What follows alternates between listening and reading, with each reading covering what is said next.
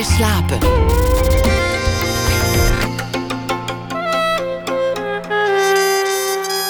Met Atze de Vriezen. Goedenacht en uh, welkom bij Nooit meer slapen. Cabaretiers die lijken zo zelfverzekerd hun grappen te maken. Maar hoe kwetsbaar ben je eigenlijk als je alleen op het podium staat? Straks na half twee dan hoort u onder andere de cabaretiers Katinka Polderman en Johan Goossens over wat het podium met hen doet. In de tweede aflevering van de podcastserie Podiumbeesten. Het komende uur zit tegenover mij tot een uurtje of half twee Guido van Driel.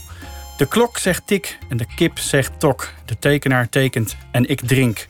Met die fatalistische woorden vat graphic novelist in verval Marie Wankelmoed haar bestaan samen in de film Bloody Mary. Ze woont in de Rosse buurt in Amsterdam. En ze is de grip op haar leven volledig kwijt. De Rosse buurt die kent eh, Guido van Driel, de regisseur schrijver van de film. Maar al te goed, want hij woonde er zelf een jaar of acht. En de wereld van het tekenen, die kent hij ook, want hij is zelf graphic novelist. Of moet ik zeggen was, want sinds 2013, toen hij debuteerde met de film De Wederopstanding van een klootzak, is hij dus filmmaker. Officieel. Bloody Mary, zijn tweede film, gaat eh, deze week net als de eerste film in première op het filmfestival van eh, Rotterdam. Guido, welkom. Leuk dat je er bent. Heb je het, uh, het Rode Loper spektakel en de champagne al achter de rug of moet dat nog? Nee, dat, dat is overmorgen, zondag. Is dat iets om naar uit te kijken? Ja, zeker. Ja, daar kijk ik natuurlijk wel naar uit. Ja. ja. Hey, die wallen, hè, de Rosse buurt. Uh, hoe is het nou om in de minst leefbare plek van Nederland te wonen? Nou, ik heb er in de jaren 90 gewoond. Ik ben er in uh, 98 uit vertrokken. En de jaren 90 was al een eeuwigheid heel, geleden eigenlijk. Ja, eigenlijk wel. Ja, is best lang geleden. 20 jaar. En uh, toen was het natuurlijk ook al heel druk. En ik heb, uh, ik heb nu ook wel ervaren dat het momenteel nog drukker is. Maar ja, die drukte, dat, dat, daar wen je wel een beetje aan dan. Het, het leuke is dat het s ochtends vroeg is. Het is gewoon weer bijna een dorp. Ja? Ja, er is ook een hele divisie mannen en vrouwen die bezig is om echt uh, straatjes te schrobben en uh, peeskamertjes schoon te zuigen en te, oh, te dweilen. Ja. En naar hun werk te gaan, eigenlijk gewoon. Ja, het is gewoon een soort winkelstraatje die weer opgetuigd wordt. Het, je zegt van ja, het is druk, maar het is natuurlijk meer dan dat. Het is echt wel een bijzondere plek. Ik denk dat bijna iedereen die daar voor het eerst is, of misschien zelfs mensen die er nooit geweest zijn, toch een mhm. bepaalde herinnering. Ik, ik kan mezelf herinneren, nou, ik denk dat ik 17 of 18 was toen ik mhm. daar voor het eerst kwam. Ik vond dat een hele rare en magische plek. Ik wist ook niet zo goed hoe ik me er moest gedragen. Ik liep daar rond, ik hoorde daar niet thuis. Hoe was dat voor jou toen je daar voor het eerst was?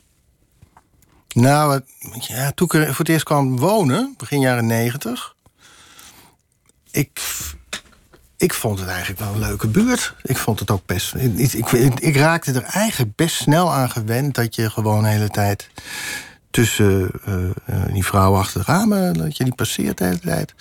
Dat maakte me. Ja. ja, maar als je er woont, dan, dan gaat er al een knop om, lijkt me. Dan, dan, dan zijn het je buurvrouw.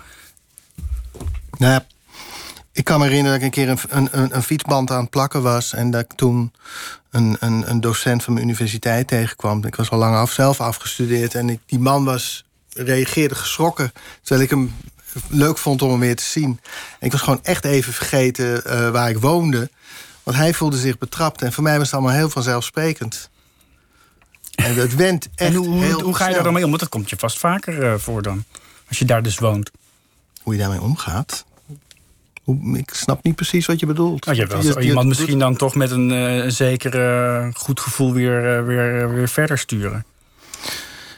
Je, ga, je hebt te maken met de drukte. Je hebt te maken met. Ik heb ook wel eens een, dat je een, uh, s'avonds een.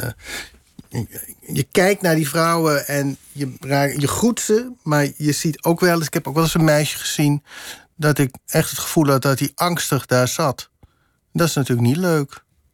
Dat kan ik me ook wel herinneren, dat je dan naar huis gaat... dat je denkt, mm, ligt, is die vrouw daar uh, gedwongen of niet?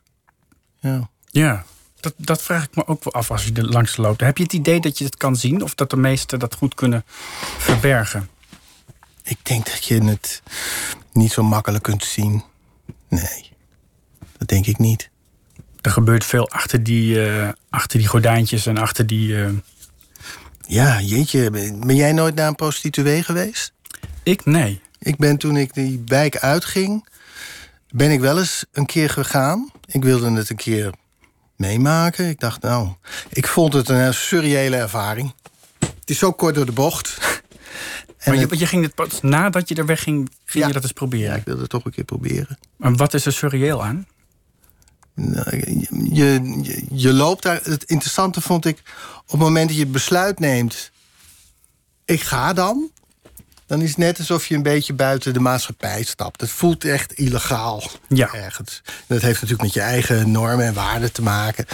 En dan had ik me waarschijnlijk ook, was ik ook geschrokken als ik een bekende was tegengekomen. Om, en terwijl ik gewoon elke dag, jarenlang, elke dag liep. En dat eigenlijk tamelijk onbekommerd. En, en toen ik die wijk uitging, toen heb ik eens een keer besloten. Ik was toen op dat moment ook net eh, weg bij mijn eh, ex-vrouw. Ik was weer alleen. En ik ben toen dacht je, naar ja, prostituee kan ik ook gegaan. gewoon. En ik, op het moment dat je dan dat, dat, dat, dat besluit neemt van ik ga het een keer doen... s- komt er dan direct een soort nervositeit in je lichaam... die je anders in die wijk niet Ja, gehad hebt? natuurlijk, dat is, dat is begrijpelijk, toch? ja. Nou ja, maar dat is toch een apart er- ervaring lijkt me... op het moment dat je daar altijd voorkomen op je gemak rond hebt gelopen... op diezelfde plek en rond diezelfde ja, vrouw. maar dat is omdat je dan nou niet meer met dat... omdat je daar nooit rondliep met dat voornemen. Dat, ik was gewoon van mijn... van een ander adres op weg naar mijn eigen adres. Het was gewoon thuiskomen. Het is gewoon de, de, de drukte waar je mee te dealen hebt. Dat, heeft, dat hoeft voor jezelf natuurlijk niet bijzondere spanningen te geven. Ik vond het, eh, toen ik net woonde, vond ik het wel hinderlijk... dat je s'nachts natuurlijk nog de hele tijd dat bonken bonken hoort, weet je. Dat is echt de tijd dat de house eh, eh, flink opkwam. Nou, dat heb ik al wonende daar flink kunnen horen. Dat hoorde je s'nachts heel veel. Of een, of een, een, straatzanger die tot diep in de nacht... eh, knock, knock, knock on heaven's door. Iedere nacht weer. Maar ik, ik weet niet precies hoe het nu is. Ik heb begrepen, het is nu veel drukker geworden. Ehm, ik vond altijd wel de mensen die voor de meeste overlast zorgden... waren meestal toch wel mensen meer uit de provincie. En Engelsen, lastige mensen... kunnen slecht eh, drank en eh, drugs, eh, die combinatie. Drank en softdrugs, die kunnen slecht handelen. ja. ja. ja. Maar eh, Oké, dus je neemt op een gegeven moment dan dat besluit... ik ga het gewoon één keer proberen, ik wil gewoon weten hoe het is. Ja. Wat zeg je dan tegen zo'n vrouw? Je stapt binnen, Nou ja, dan ga je gewoon onderhandelen. Nee, je, ja, je vraagt hoe- hoeveel is het. En, en toen heb ik dat, dan betaal je dan ook meteen. ja. ja. Ja. ja. En ik weet wel dat we een trappetje opliepen en dat ze er. ehm, ja, ze nam toen dus weer de positie in die ze eerst had. En eerst keek ik wat iets van onder tegen haar. En om die reden vond ik haar ehm, imposanter en aantrekkelijker dan toen ik nu, nu echt vlak achter haar het trappetje opliep. Bleek ook, was in ene veel kleiner. en ehm, het was, ja. Het is heel gek om plotseling met een wild vreemde... je hebt een transactie om plotseling met zo'n vreemde op een bed te liggen... en bij een spiegel en je ziet, je, je ziet jezelf en die ander bezig. Het was, ik vond het in die zin ja, interessant een keer mee te maken... maar niet iets wat mijn weg zou moeten zijn. Ik daarna niet nooit meer gegaan. Maar is dat in de periode geweest dat je een boek aan het maken was over prostitueebezoek? Want je hebt een boek, een boek gemaakt, nou, ik heb een keer een boek gemaakt over Nico Bordeus. Ja, dat is een dat- goede vriend van mij. die dat, die dat eh, als een tweede natuur deed, zeg maar. Nou, een tweede natuur, de eerste volgens mij. Ja. Nee, het is, hij, Nico is een schaamteloze eh, eh, prostitutiebezoeker. Goede vriend van mij. En een, een, een zeer getalenteerde eh saxofoonreparateur. En ja, maar op een gegeven moment vertelde hij, kwam hij met het verhaal dat hij voor twee van zijn vriendinnen. hij heeft dan een tijd lang een, echt een, kan het zeggen, echt dan een zeer vriendschappelijke relatie met steeds dezelfde vrouwen. En daar had hij een drie gangen menu voor gemaakt. En eh, daarna eh, had hij in, zijn, in een dokterstasje, weet je, bestek, alles bij, alles erop en eraan, heel mooi, alles in een dokterstasje.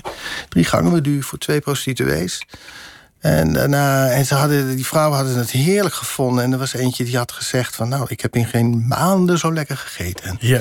En, en, en eh, Ik, zit, er- ik, bedoel, ik moet niet, gaan, niet te veel gaan uitweiden. Maar het- ik vond het zo leuk toen hij me dat verhaal vertelde, hoe dat was. En eh, ik heb dat gewoon vrij letterlijk verstript. Het is echt een, een romantisch verhaal eigenlijk. Nou, ja, ja. Zoals je het zo vertelt, wel. Terwijl Mm. het verhaal wat je nu gemaakt hebt, die film... die ook daar in die buurt speelt... is bepaald geen romantisch verhaal. Dat gaat juist over die dingen die achter die gordijntjes gebeuren... en waar je eh, ja, niets van ziet. Nou, Zegt dat iets over hoe je, hoe je naar die buurt bent gaan kijken? Dat er iets veranderd is? Of? Nee, ik geloof het niet. Nee, ik denk, ik denk wat ik eigenlijk ook met die film meer wilde vertellen, eigenlijk is een beetje hoe het zou kunnen zijn om te leven in de Rosse buurt. En dat daar gewoon maar zeggen, je eigen. ehm, deze vrouw, deze eh, Marie Wankelmoed is dan iemand die eh, echt wel in een depressie zit en gevoed door schuldgevoelens. En die een, drankprobleem heeft. En eigenlijk een soort opgaat in, in de eigen ehm, treurige verhaal, zullen we zeggen. En dat eigenlijk alleen maar ziet. En wat, wat mij leuk leek, was dat te tonen. Iemand die, zullen we zeggen, op een zekere manier, op een negatieve manier, maar wel een soort intiem is in een huis. En dat combineren met het feit dat dan net toevallig wel in de rosse buurt is. Weet je, ik heb die rosse buurt niet willen gebruiken als... hé hey jongens, we gaan hier nou toch eens eventjes... eh, Sensationeel. ja, we gaan hier nou toch eens even... nou komen we eindelijk achter de rode gordijntjes. En nee, zo'n film eh, is het niet geworden. Ik vind het veel leuker dus om de rosse buurt echt een arena te laten zijn. En die op dezelfde soort van zelfsprekende manier te behandelen... als dat je nou, eh, Oud-Zuid arena had laten zijn. Dus zo hebben we het ook een beetje willen be- beha- behandelen. Ja. Ja. Je wilde het heel graag in de Rosse buurt zelf filmen. Heel veel films die zich daar afspelen... worden in een willekeurig ander steegje in Amsterdam gefilmd... worden wat rode lampen opgehangen. Ja. Waarom kon dat niet? Want dat is veel makkelijker, toch? Nee, dat wilden we echt niet. Nee, want dat, dat, zie je vaker. En een of andere manier zie ik gewoon dat ik naar gedreste straat kijk. En, en eh, dat hebben we echt proberen Kun je me uitleggen waar je dat dan ziet? Want je bent iemand die kijkt natuurlijk. Je, je bent als tekenaar. Je Ja. bent iemand die ook heel graag de details die jou Ja. het meeste doen... Die, die geef je weer in je tekeningen. En dat geldt ook voor als je een film laat zien. Wat verraadt aan een willekeurige andere steeg met een rode lamp... dat het niet echt in de wallen is? Nou, als we het hebben op een niveau van stegen, denk ik dat ik nog best wel te misleiden ben. Om je eerlijk de waarheid te zeggen, we hebben een keer ook een steegje gedraaid. En die was net buiten de rosse, eh, boven de, buiten de rosse buurt. Die was wel gedrest en die, die zit lekker in de film verweven. Ik denk niet dat. Die kan gewoon, ja. Nee, maar we hadden ook wel een, een steeg, de molen, molensteeg. Eh, en, en dat was links en rechts, normaal gesproken. Alle kamertjes zijn, zitten prostituees. En die hadden we nu die nacht hadden we er allemaal uitgekocht. Een deal gemaakt. Dan konden wij daar eh, ehm, modellen of Ja. scènes laten zitten en poseren. poseren. Ehm, en ehm, ja, maar dan maar, lijkt maar het... kun je het me vertellen waar, je- waar, waar je het aan ziet? Dat het Oh. niet echt is? Wat is nou wat, de, de, wat die wijk... Ik denk een zo- beetje de rommeligheid. Hè? Het is toch ook wel een, een getreste plek. Is meestal toch wel net wat nettere plek. En er komt erbij bijvoorbeeld het shot van haar op het dak. Dat heeft, laten zeggen, de hele as zie je van de ouderzijds eh Achterburgwal. Ja, dat hebben, we- hebben we allemaal niet hoeven faken. Dat is echt gedraaid op een midden in de Rosse buurt. Met uh, Zij staat, daar, zij staat daar op dat dak en zij Ja. roept... Hello Amsterdam. Ja. En dat is, eh, dat is echt wel een typisch shot voor jou. Je houdt daarvan, hè? Zo'n zo'n blik van boven. Al in je eerste stripboek Ja, doe je dat. Daar zit een man in die, die, die is dol op stad. Die gaat Ja. de Rembrandtoren op omdat hij zo graag naar de Ja. stad van boven kijkt. Waarom, wat, wat intrigeert je daar zo aan? Ik heb de Rosse buurt ook nooit van boven gezien. En nu door jouw ogen dus wel. Ja, gek hè? Ja, is wel waar. Die, eh, je, je hebt gelijk. Ik, heb, ik voer het eh, in bijna in alle verhalen al een keer op. Het, ehm, ik denk misschien... Ik heb zelf ook de neiging om eh, de dingen proberen met een soort afstand te bekijken. In die zin is het een aspect van mezelf. wil niet zeggen dat ik dat altijd doe. Maar ik heb wel degelijk die neiging. En ik heb ook wel het gevoel dat door die afstand dat je. Eh, heb ik dan wel dat ik meer compassie voel voor mensen. Door de afstand juist. Ja, een Op beetje het moment dat je de, de, zo'n wijk, waar ook de stad in zijn algemeenheid van boven kijkt, dan, Mhm. dan zie je juist geen individuen meer. Dan zie je wezens die mensen zijn, maar die verder niet een Ja, verhaal maar hebben. het gekke is dat ik dan ook juist wel weer een soort... eh, de mens in zijn... eh, misschien ook wel in zijn ware gestalte zie. Die is misschien maar klein. Maar ook niet Hoe werkt zo... dat dan? Ga je verhalen verzinnen bij die mensen? Nou, hm. nou, ik wilde eigenlijk nog even door over de, over de hoogte. Nou, ga door. Ja. Nou, ik merk bijvoorbeeld dat ik altijd dat ik, dat ik bijvoorbeeld. eh, eh, ik zoek zelf inderdaad ook wel regelmatig, eh, met enige regelmaat, een hoge plek op. Bijvoorbeeld op, op het van dat, dat gebouw van Renzo Piano, de, boven de eitunnel. Ja. is heel leuk. En ik, ik merk altijd, ik, ik kan soms op goede idee komen op het moment dat ik gewoon eh, een beetje over de stad uitkijk. Dus ik heb soms ook wel een beetje letterlijk afstand nodig. En die schommel bovenop dat eh, gebouw ik naast, het, naast het ei? Nee? Nee, daar ben ik nog niet geweest. Maar het, ziet, ja, weet er niet, staat een het is schommel zo'n dat- attractie. op die en- Adamtoren. Ja, ja, ja, nee, het ik heb nog nooit de impuls gevoeld om erheen te gaan. Nee, maar, nee, maar ik wel- vind het wel leuk om die mensen zo te zien. Dus eh, omgekeerd, eh, het is een omgekeerd perspectief. Maar ik, ik, op een of andere manier vind ik die mensen dan ergens ook wel sympathiek. Zoals ze daar zo in stofjes. Ja. Dus, eh, dus, dus dat, die stad van boven, dat geeft je dus een soort afstand en tegelijkertijd ook een soort rust. Ik kan me voorstellen dat als je dus in zo'n wijk als de, de Rosse buurt woont, dat rust niet bepaald is waar je naar op zoek bent. Misschien juist wel. Kan ook, toch? Ja? Ja. ja. Hoe woonde je daar? Had je, een- had je zo'n soort studio als dat je hoofdpersoon in deze film ook had? Ehm, ja, nou, weet je wel. Ik had een studio op, eh, op een belletage. Inderdaad in een echt oud grachtenpand. Dat stond was schuin tegenover Houthandel Smit. Voor, voor wie het weet, die begrijpt het. Je weet nu waar het is. Ja. En eh, ik woonde met mijn ex-vrouw op, op de derde etage. En echt een wat- toch wel wat vervallen grachtenpand. Maar erg mooi. Ja. Hoe zag je leven er toen uit? Ik was ook al eh, tekenaar. En, eh, maar dan een tekenaar met een atelier. En ik was nog geen eh, filmer. En, ik heb nu geen atelier. Ik, ik teken dus gewoon thuis. Aan de eettafel. En verder, ja, mijn leven zag er eigenlijk in zekere zin hetzelfde al uit. Ik, heb nu een andere vrouw. Daar ben ik al, hele, al, al 18 jaar bij. Eh, maar ehm, ik doe nog steeds hetzelfde eigenlijk. Veel tekenen. En eh, script schrijven. En dan één keer in de zoveel jaar een film regisseren. Ja, want wat dat betreft ben je natuurlijk... Je bent niet helemaal vanaf meteen van jongs af aan... echt dat vak van dat tekenen ingestapt. Je bent eerst iets anders gaan doen. Waarom was dat eigenlijk? Waarom ben je niet meteen vol voor die missie gegaan? Oh, ja, maar ik, ik heb de missie, zullen we maar zeggen, in stapsgewijs ontdekt.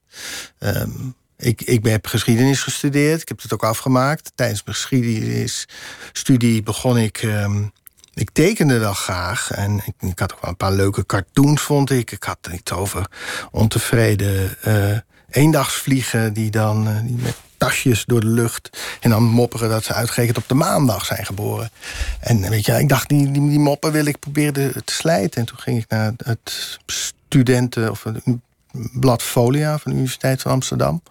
met die moppen.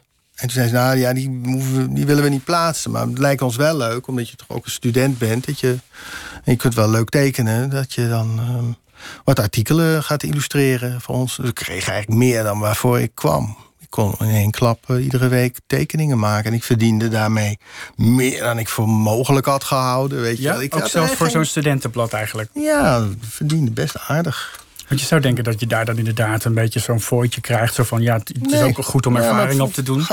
Tekenaars werden vroeger veel beter betaald tegenwoordig. Echt waar. Wat je nu krijgt van bij de dagbladen is... Toen ik in de jaren negentig voor de Volkskrant werkte... je werd gewoon per, per, per kolom betaald. Je kon in één klap... Ja, je ging dan al eerder een liggende tekening leveren... dan een staande tekening. Maar dan kon je in één, één, eh, met één tekening uh, in klap 800, 900 gulden verdienen. En toen je in die Rosse buurt terecht kwam, woonde je, woonde je vlak voor die tijd al in Amsterdam? Of, want je kwam er oorspronkelijk uit Zaandam, wat een, ja. Natuurlijk in de buurt is, maar lijkt me toch een totaal andere wereld. Ja, ik ben wel in Amsterdam geboren, maar ik ben uh, op een gegeven moment, toen ik negen was, naar Zaandam gegaan met mijn ouders.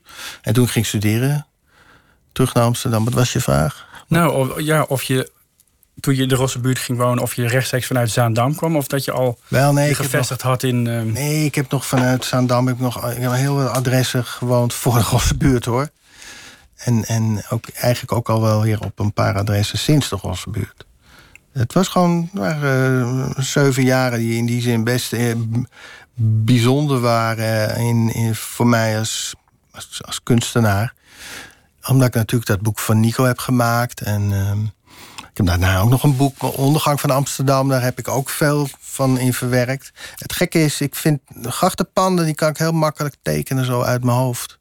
Is dat zo? Ja, dat je hebt in je DNA inmiddels. Ja, zo grappig, want je kan dan gewoon, dat, dat lukt gewoon. En hetzelfde heb ik met uh, rijtjeshuizen. Dat doe ik ook heel makkelijk. Uh, daar heb ik ook heel lang gewoond. Natuurlijk met mijn ouders in de jaren zeventig en zo. En um, maar voor alle andere soorten architectuur moet ik toch echt even een beetje naar foto's kijken. Ja. En dat komt doordat je het gewoon. Heb je dat al die tijd dan ook echt met een tekenaarsoog bestudeerd? Of is dat gewoon. Dat gaat, gewoon dat gaat in je zitten? Ja, dat denk ik wel. Ja, dat denk ik wel. Ja, weet je, je, soms stel je een vraag. Maar je, je, vraagt soms naar het waarom en dan weet ik het, dat weet ik zelf ook niet. Weet je wel? Ik, in die zin. Ik vraag, sommige dingen wil je ook niet eens afvragen. Laat ik zo zeggen, het voelt goed. Het voelt goed voor mij als ik een, uh, als ik een, uh, een, een, vogelperspectief gebruik op een bepaald moment in een film of, of in een boek. Dat voelt voor mij dan goed. En ik ga dan niet denken van, oh, wat, hoe komt dat nou? Of uh, wat rechtvaardigt dat? Je, je, noemde net al de ondergang van Amsterdam. Veel mensen zien nu als de ondergang van Amsterdam die enorme drukte. Waar ja. de Rosse buurt eigenlijk een beetje symbool voor is geworden. Maar wat zich langzaam over de stad heeft uitgesmeerd. Hmm. Wat we dan nu mooi, met een mooi woord massatoerisme noemen. Ja. Hoe, hoe, kijk jij daarnaar als, als ras Amsterdammer? Uh, ik ben denk ik een, uh, iemand die. Uh, ik maak me meer dan alleen om Amsterdam ook gewoon zorgen over de, gewoon de rest van de wereld en de planeet. En uh, Amsterdam zal met die aandenderende klimaatsverandering... zal daar denk ik meer dan voor mogelijk houden rekening mee gaan krijgen. Of ermee te maken krijgen. Hoe dat dan? denk ik echt. Dat denk ik Gewoon echt. letterlijk onder water komen te staan bedoel je dan? Ja, waarom niet? Ja. Kijk, we hadden nou één hele hete zomer... En uh, de verwachting is dat dat kan nog vaker gebeuren. Maar door die, door die intense droogte uh, in, in Gouda is de ondergrond uh, is al flink aan het verzakken, lees ik. In Amsterdam lees ik ook dat dingen wel al beginnen te zakken. En ik zeg niet dat het morgen, volgend jaar gebeurt, maar als volgend jaar weer een hele droge zomer is en dit gaat maar door en door, moet je kijken wat dat doet voor, de, voor het vastgoed in Amsterdam. Vrijwel niemand lijkt dit serieus te nemen. Nee, vind ik ook onbegrijpelijk. Ja. Hoe ja. volg je? Want er is heel veel over te doen geweest de afgelopen jaar. Klimaatakkoorden, ja. die al dan niet wel of niet doorgaan. En die, ja. die door anderen weer weggehoond worden. Hoe, hoe heb je dat beleefd? Want nou dit, dit, is iets waar je al jaren ja. druk over maakt. Ja, al heel lang. Maak me er al heel lang druk over. Um, Kijk, ik ben, het is heel makkelijk om, om, om, om te somberen wat dat betreft. Dat wil ik helemaal niet. Hè. De, ik word dan weer heel blij als ik... Beneden zie ik het nog in de Volkskrant staan, in de lobby... dat ze daar jongeren in, in België zo'n gigantische demonstratie uh, voor elkaar krijgen. Ik hoop dat we dat in Nederland ook krijgen.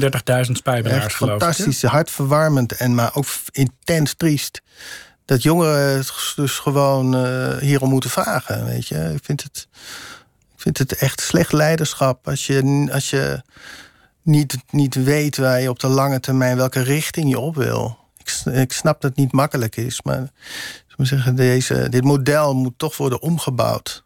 Moet echt worden omgebouwd. Kan dat? Wat is de, wat is, waar ligt de sleutel? Want je hebt dit vraagstuk al heel lang bestudeerd. Misschien heb je er een idee over hoe we het zouden moeten kraken dan.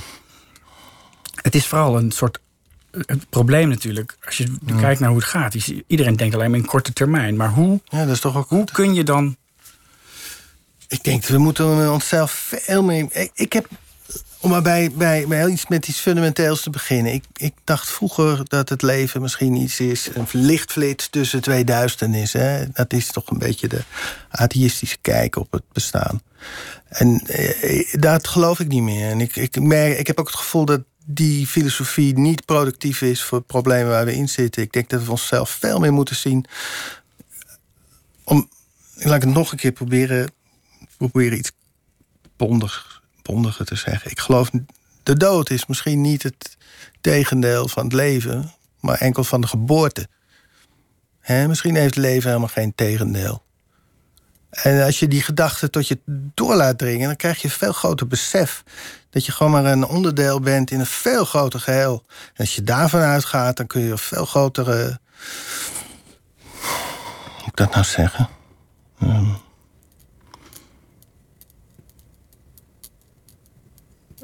het is echt treurig, vind ik, als, je, als, als, als het dogma zo langzamerhand alleen enkel nog kan zijn... gij zult uw winsten maximaliseren. Dat is toch raar?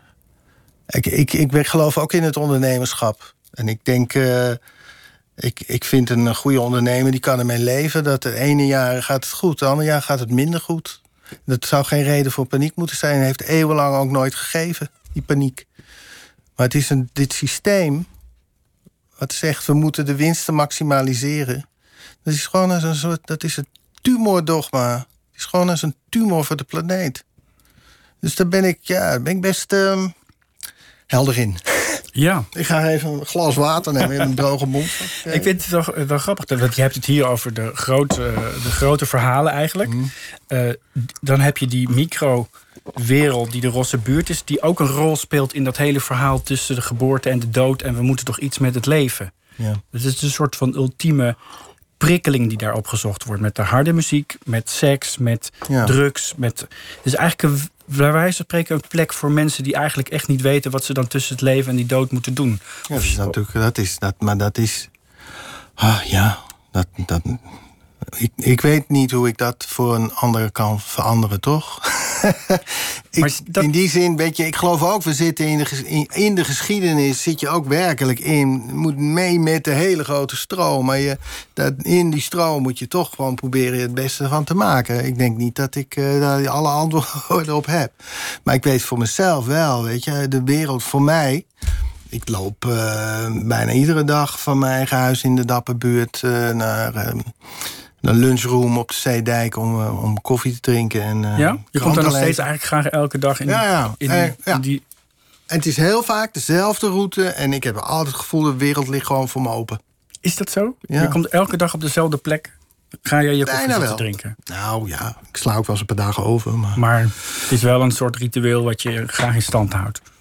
En waarom ja, ik daar? hou Waarom erg die van plek? goede rituelen. Ja? En waarom dan die plek? Hmm. Nou, wat ik aan die plekken leuk vind, is dat die. eh, de- het interieur is gezellig. eh, de bediening is eh, eh, altijd goed. En eh, het publiek is een mengeling van buurtbewoners, jong en oud.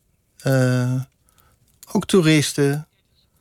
Jonge mensen, artistieke types. Ja, ik vind het gewoon een fijne. Maar het is soms heel druk. Ja, ja. En, en nou dooppraatjes, zo. dit helpt ook niet, hè? We gaan even naar het nieuws en dan gaan we verder praten over je film. Ja. Bloody Mary. Daar hebben we nog niet genoeg over gepraat. Nee.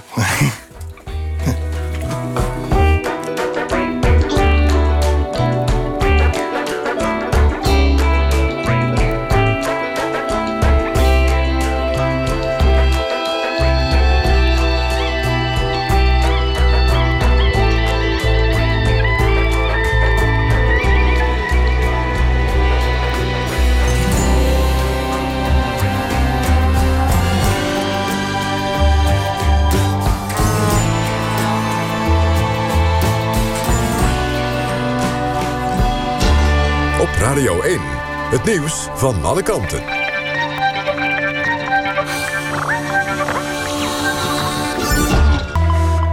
Eén uur, Frits Hemmelkamp met het NOS-journaal. Bij een dambreuk in het zuidoosten van Brazilië zijn zeven mensen om het leven gekomen. 200 mensen worden nog vermist. De dam stond bij een ijzermijn in de buurt van het stadje Brumadinho. De omgeving is overspoeld door een modderstroom. Reddingswerkers zijn een grote zoekactie begonnen. Vier jaar geleden brak in hetzelfde gebied ook al een dam door. Daar kwamen 19 mensen bij om het leven. Dat ongeluk wordt beschouwd als de grootste milieuramp in de geschiedenis van Brazilië. De Amerikaanse shutdown is voorlopig voorbij. President Trump heeft een akkoord bereikt met de Democraten... waardoor de Amerikaanse overheid tijdelijk wordt heropend. De shutdown heeft 35 dagen geduurd, de langste sluiting ooit. Trump zal later vandaag een noodwet ondertekenen... waardoor de salarissen van zo'n 800.000 ambtenaren... weer kunnen worden uitbetaald. Trump kan het niet eens worden met het congres over een nieuwe begroting. Hij wil ruim 5 miljard dollar voor de bouw van een muur met de grens met Mexico... maar het congres is het daar niet mee eens. Als er binnen drie weken geen definitieve begroting wordt vastgesteld... dreigt een nieuwe shutdown. De zelfverklaarde nieuwe president van Venezuela, Juan Guaido... heeft zich voor het eerst in dagen in het openbaar laten zien. Te midden van duizenden aanhangers hield hij een toespraak... op een groot plein in de hoofdstad Caracas. Voor volgende week kondigde Guaido een nieuwe demonstratie aan... tegen het zittende regime van president Maduro. Hij roept het leger op zich bij hem aan te sluiten. De afgelopen dagen zijn bij confrontaties met ordentroepen... naar verluid 20 mensen omgekomen... Guaido riep zichzelf eergisteren uit tot interim-president. Dat werd erkend door verschillende landen, waaronder de VS. Het weer, de vorst verdwijnt vannacht geleidelijk het land uit... en de temperatuur loopt op tot zo'n 4 graden. Morgen bewolkt en vooral in het noorden regen. Het wordt erbij een graad of 7. Dit was het NOS Journaal. NPO Radio 1. VPRO. Nooit meer slapen.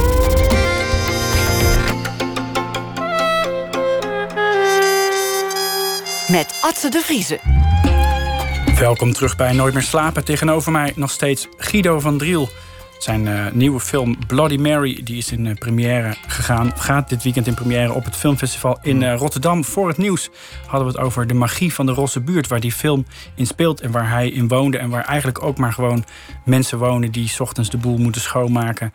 En waar je ook nog heel prima een kopje koffie kunt gaan drinken elke dag. Uh, we hadden het over, natuurlijk over die bedreigingen voor de stad Amsterdam. En dat is niet het massatoerisme, maar eigenlijk toch vooral het feit dat we niet willen luisteren naar het feit dat de wereld gewoon naar de knoppen gaat. Doordat we niet uh, nadenken over het, niet genoeg nadenken over de milieuzaken. Grens aan de groei. Precies, grens aan de groei. Uh, dat was een gloedvol betoog van de man die... ja, je bent inmiddels filmregisseur geworden. Ja. En dat is toch weer een ander vak dan tekenaar, lijkt me.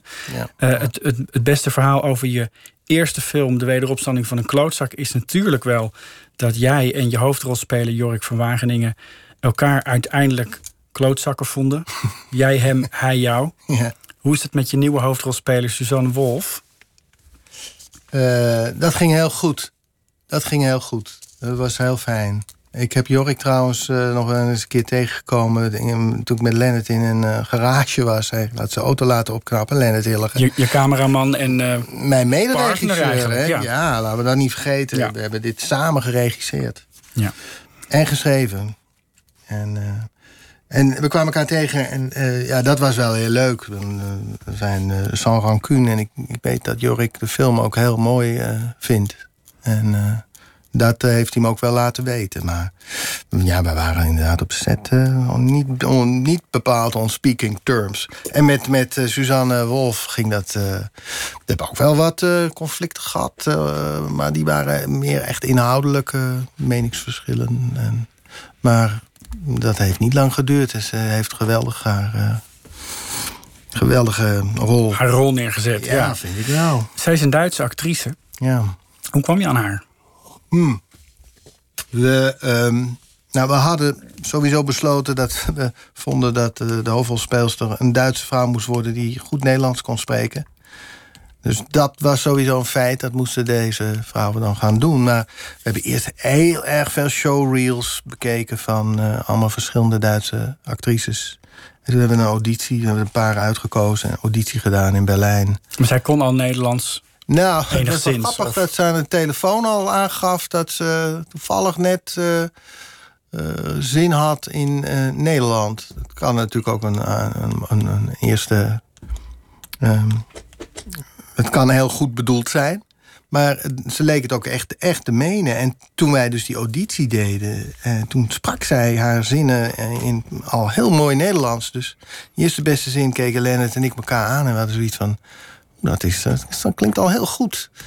En eh, toen had ze, was, hadden we haar nog niet naar de klooster, het klooster eh, van Vught gestuurd... naar de nonnetjes. De beroemde nonnen van Vught. Die hebben haar uh, ja. bijgespijkerd. Ja, Waarom wilde je zo graag dat het een Duitse persoon was die daar in, in Amsterdam beland was?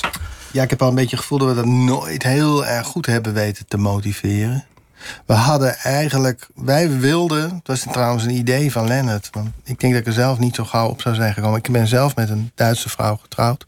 Dus bij mij, uit een soort mentale kippigheid, had ik het waarschijnlijk. zou ik het niet zo gauw gezien hebben. En hij had zoiets. Het klinkt zo mooi dat. Uh, Nederlands van een, een, met een Duitse vrouw die dan Nederlands spreekt. En het doet, dan, doet iets. En dat, vond, dat snapte ik wel. Want uh, soms is net precies het ABN vind, is, kan soms wel eens hinderlijk zijn. Dus we wilden echt iemand met een accent. En er wordt sowieso wordt er weinig plat Amsterdams gepraat. Wel natuurlijk door mensen die mm. daar in een café achter de bar staan. Maar mm. de mensen die daar rondlopen. En wat dat betreft is Amsterdam natuurlijk ook zo'n stad waar mensen van ja. heinde en verre naartoe komen. maar dat, dus dat accent doet in elk geval dat je... Als die vrouw dan ook nog eens heel erg alleen is... dan voel je dat ze nog allener is. Omdat ze daar niet vandaan komt. Dat is precies het idee. Ja, oh, kijk. Ik ben blij dat je het zegt. Nou, ja. Uh, hoe, is, hoe is het nou eigenlijk om regisseur te zijn? Is dat nou totaal anders voor jou dan wanneer je in je eentje aan een stripboek werkt? Ja, het is wel anders zeker. Het is vooral omdat je natuurlijk. Uh, het moeilijke is, vind ik, om het toch om dezelfde concentratie te hebben die je hebt voor het tekenen. Om die aan publiek te hebben, zullen we zeggen. Te midden van velen moet je dezelfde rust en concentratie opbrengen. Als anders aan je tekentafel. In je eentje is het zo'n stuk makkelijker. En, ehm, en het, is, het is samenwerken.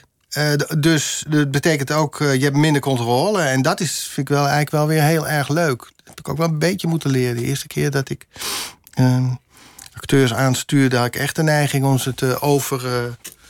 hoe noem je dat? Veel te veel op de huis te zitten. Veel te precies te regisseren. En dat voelde een acteur zich... Dat hebben ze ook gezegd toen is dat ook waar het, was. Is dat ook waar het misging met Jorik van Wageningen? Dat je te veel op de huid zat? Nou, Mis, het is een prachtige film geworden. Wel, ja, misschien wel. Uh, ik kan, ik, misschien heeft hij zich door mij een beetje onvrij gevoeld. Dat kan. Ik heb denk ik wel wat geleerd over dat je mm, acteurs vooral vertrouwen moet geven. En met, met, met hun over de rol praten. En meer bezig zijn met de mise en scène. Dat is denk ik wel belangrijk. En dan ga je daar staan. dat mag je gewoon vertellen als regisseur. Ja, je mag natuurlijk alles vertellen. Maar ik, ik, ik, het is leuker om, uh, om, om, om, om, ook die controle even los te laten... en te zien wat een uh, actrice je geeft. Dat is echt leuk.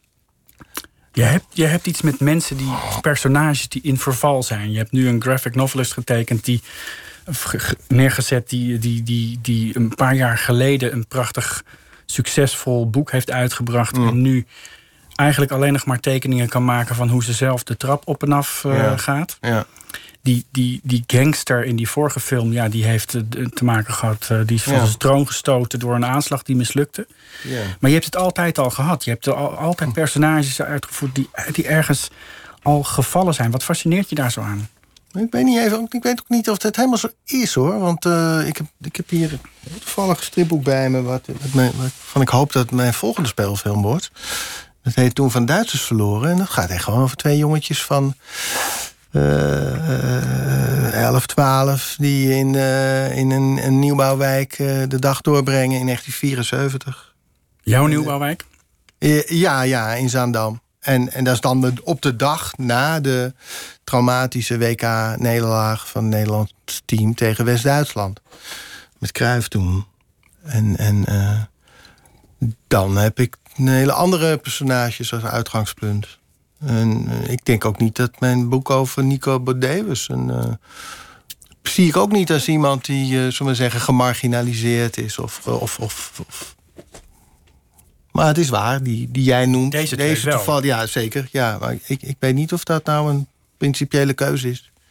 Nee, het is niet zo dat al je personages dat hebben. Maar deze, deze twee zijn wel hele sterke karakters die dat hebben. Ja, maar dat, het is natuurlijk wel leuk, vind ik, om, om, om, om niet een soort everyman en die dan everyman dan en hem, oh, hem of haar overkomt het iets naars en dan moet hij zich staan. Nou, het is ook, het is volgens mij wel ook leuk om, om iemand te hebben die al uh, van meet af aan uh, een type is en een kleuring heeft. En dan ja, ik denk dat ik zeker met dit, dit verhaal ook iets willen zeggen over iemand juist die eigenlijk een beetje in een, eigenlijk wel in, in, een serieuze depressie zit. En ironisch genoeg, doordat ze haar problemen weten te vergroten door een stommiteit, uiteindelijk zichzelf eh, ergens uh, ook, ook helpt of redt. Maar daar moeten we niet maar niet te veel over zeggen. Nee, nee, geen spoiler wezen. Nee. Wat is het, uh, het dieptepunt uit jouw carrière eigenlijk? Dieptepunt uit mijn carrière? Ja. Heb je wel zo aan de grond gezeten als je hoofdpersoon in dit verhaal? Nee. Nee. Nee. Nee, ik, denk dat ik in dat opzicht best een uh, bevoorrecht... Uh, beschouw ik mezelf wel als bevoorrecht, ja. Dat is je bespaard. Ik zeg niet dat mijn leven altijd over roos is gegaan... maar vergelijkbare dieptepunten? Nee. Ben je daar gevoelig voor om in zo'n... Nou, kennelijk niet dus, want je hebt je altijd overeind kunnen houden. Mm, ja, dat... Nou, kijk kan momenteel, neem nou nu. Weet je, mijn, ik heb mijn ouders, mijn moeder die heeft Parkinson. En die wordt steeds wat, wat, wat verwarder. Dan ben ik daar gisteravond en op een gegeven moment merk ik, ze herkent me niet meer. Weet je, dat was voor de eerste keer dat ik dat meemaak. Dat ze me niet herkent. En ze hield me voor haar neef. Dus praat tot mij alsof ik de neef ben. En in het begin voel je echt dat, echt een, ehm, ook wel droevenis dat iemand in een ver weg is, als het ware. Maar toen dacht ik, nou ja, kijk maar, als ik nou een beetje afstand neem. Uh, op dit moment is zij niet per se ongelukkig. Ze praat nu gewoon tegen haar neef. Dan ga ik nog gewoon even met haar als die neef praten. En toen vroeg ze op een gegeven moment aan mij... Uh, maar jouw moeder, die is wel tachtig geworden, toch? En ik begon een beetje te lachen. Ik zei, nou. Oh nee, zei ze dat ben ik. Ineens zag ze Ineens schoot ze er weer uit, weet je wel. En, en uh, toen was ze gewoon weer... Uh, wist ze wel heel goed dat ik, daar, dat ik het ben die daar is. Dus dat, dat afwisselen te, van, van toch bijna... Ja, ze heeft ook echt last van hallucinaties. En dat, dat heen en weer schieten van, van goed naar slecht. Ik denk dat ik daar gewoon op dat feit wel accepteer. En als je dat feit accepteert, dat scheelt al een hele hoop denk ik. Dan laat je ook niet zo snel in een afgrond. Nee, ik voel me er niet. Ik ga hier niet kapot aan. Ik vind het uh, naar voor mijn moeder. En ik probeer, probeer, mijn moeder te helpen. Wat heb je voor band met je moeder? Ah, wel een, eh, een, een hechte, ja. Mijn moeder heeft wel. Uh, wel uh, mijn moeder kon, kon vroeger op heel. Uh, beeldend vertellen over de films die ze gezien had. Dat waren dan ja, jaren 50 films, 40, 50 films. Gejaagd door de wind en zo. En dat kon ze vertellen. En dan had ze net alsof ik die film eh, mee had gekeken, weet je wel. Dus ze was daar heel beeldend in het, in het uh, uiteenzetting. En ze kon ook heel beeldend uh, vertellen over haar oorlogsjaren. Ze hadden thuis bij haar ouders in Assen hadden ze onderduikers hebben drie Joodse onderduikers gehad. Maar nooit tegelijk, hè? steeds uh, de een na de ander. En, en zij was heel jong nog en wist ervan. En kon natuurlijk nooit met vriendinnetjes thuiskomen. En, en als iemand, uh, als het huis, als hun hele gezin verdwenen was... en zat alleen nog een onderduiker, onderduiker die kon niet uh, naar het toilet gaan en doorspoelen. Al dit soort dingen. En mijn moeder is daardoor best wel een kan ik wel zeggen, een, iemand geworden die de, de, de buitenwereld met een nodige achterdocht benaderde. Dat is absoluut, denk ik, heeft absoluut met die oorlog te maken. Dus, dus uh, in aanleg, dat heb ik wel meegekregen eerst. Ik heb dat echt. Uh, maar ik heb veel meer vertrouwen. Ik heb veel meer vertrouwen in de. Maar ik heb ook niet haar jeugd gehad, weet je wel. Maar mijn moeder kon heel. Heb je dat, dat je moeten afschudden als het ware? Nou, ook niet. Ja, ook niet echt. Ik luisterde graag ook naar haar verhalen. Ze kon heel beeldend vertellen over haar uh, oorlogsjeugd. Ja. Heb je er ooit een verhaal over getekend, gemaakt? Want Ehm. je, je bent wel vaker in verhalen gedoken die jouw eigen leven voor, vooruit gingen. Over de, de, de Beatles in Amsterdam, wat je net zei over het WK voetbal. Ja, je was er denk ik wel, maar dat zul je niet Ik heb ervaren hebben. Oh ja, zeker wel. Ja? zeker. Die wedstrijd die weet ik nog heel goed. Ik weet ook nog heel goed de teleurstelling. En de, ik heb hem samen met mijn oma gekeken. Dus, dus die, eh, die in die oorlog die onderduikers had. En die was na afloop, die, eh, die had het. En die rotmoffen. Ik had nog nooit, ik had dat nog nooit eerder horen, horen zeggen. Die, die term, die hadden mijn ouders nog nooit gebruikt. Maar het waren de ene waren. En die rotmoffen. En mijn ouders die waren, meen ik, eh, die waren helemaal niet geïnteresseerd in eh, voetballen. Ik wel. En eh, die, die gingen naar het Mineralenmuseum in Giethoorn. Het Mineralenmuseum. Ja, volgens mij zit daar een Mineralenmuseum, of zat er. En dus, en eh, ik, eh, ik heb die wedstrijd met mijn oma gezien. Ja, in Assen. Nee, die heb ik, nog- kan ik nog goed herinneren. Ja. En jij, eh, van wanneer ben jij dan? Ik ben van 80, dus Oh, ik heb heb, je die van 7, eh, 78 ook niet? Nee. Ja, die heb ik ook meegemaakt. Ja, maar ik niet. Nee, ik was, ja, ik was er wel, maar het is wel langs me heen gegaan. Ja. En van 88? eh, Ja, nee. nee, die oh jeetje, maar die laatste wel. Ja, tuurlijk. Ja, Ja, ja. ja. Ehm, ja, die, even terug naar je, naar je nieuwe film. hè. Want het- je, je praat over je werk en over eh, de dingen die je wilde maken. En dat je eigenlijk nooit in een gat bent gevallen. Eh, Was je ambitieus? Ben je ambitieus als... Ja, ik denk wel dat ik wel ambitieus ben. Eh, wat ik namelijk ik interessant vind aan die, aan, die, aan die film die je gemaakt hebt... is dat je hebt een, een kunstenaar die wil iets maken. Die wil een verhaal vertellen. Die wil boven zichzelf uitstijgen. En op een gegeven moment komt er een soort omschakelmoment... dat die ambitie overslaat in overleven. Dat doet jouw hoofdpersoon, Marie. Die moet gewoon overleven. Die moet, die moet bedelen om, Ja. om, ehm om Ja. voorschot eigenlijk. nou, dat is waar. Maar dat- ik denk, eh, ik denk nu terug aan eh, het schrijven en eh, het hele schrijfproces met Leonard. En ik denk dat hij is, eh, hij heeft me daar ook wel echt, zullen we zeggen, scherp op gehouden. Dat het eh, dat overlevensthema, dat was iets wat hij ook heel graag wilde onderzoeken. Je moet niet vergeten, hè, we hebben het samen geschreven. En eh, hij is, kan ik gerust zeggen, ik, ik heb vanaf mijn eerste film, Groen is toch de mooiste kleur voor gas. Ehm, heb ik altijd gewerkt met eh, dezelfde cameraman, dus Lennart. En, Hij is steeds belangrijker geworden ook. In ja, jeetje, we zijn gewoon goede vrienden. En eh, ehm, ik ken mezelf niet zonder hem op de set.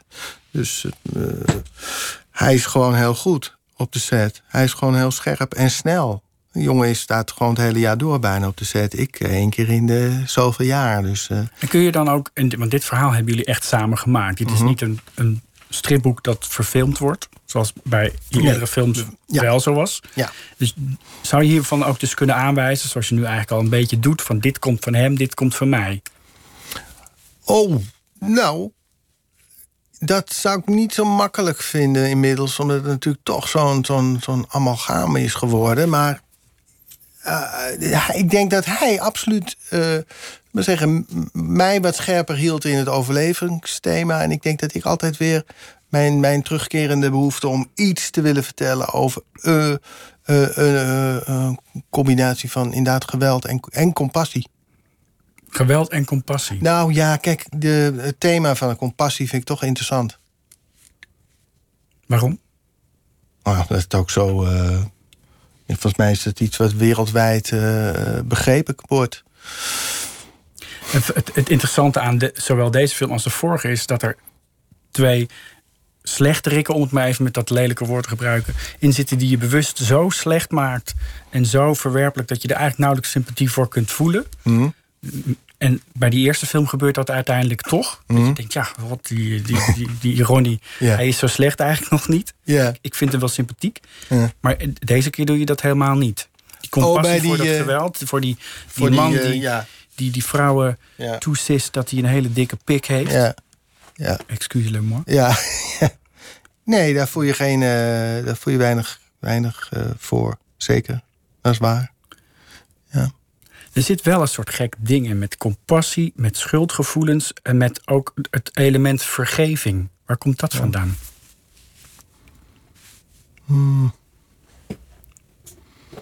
Ja, dat vind ik een moeilijke vraag.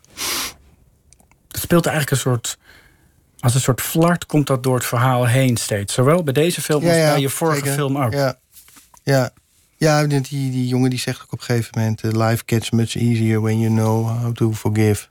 Juist. Maar hij, hij brengt het dan natuurlijk wel net op een moment dat je echt denkt... ik weet niet of ik hem kan vertrouwen. Want hij probeert haar nu gewoon toch soort te verleiden. Om, Ja. om, Dan heb je het eigenlijk over een te gewelddadige mensenhandelaar die dat. Ja, die zou het ook kunnen zeggen. Om een ander slim te paaien. Ja. Dat, eh, dat was een beetje het idee. Dus het heeft ook nog een, daar heeft het ook nog een gekke soort dreigende toon. Terwijl het in wezen misschien, ik denk, niet onwaar is. Maar ik heb, ik heb nooit helemaal begrepen. Ik nooit helemaal begrepen waar je bijvoorbeeld iemand kunt vergeven als die ander, dus de dader, geen, er, geen, er geen berouw over heeft. Dat kan toch niet? Dat is toch heel moeilijk? Lijkt mij wel.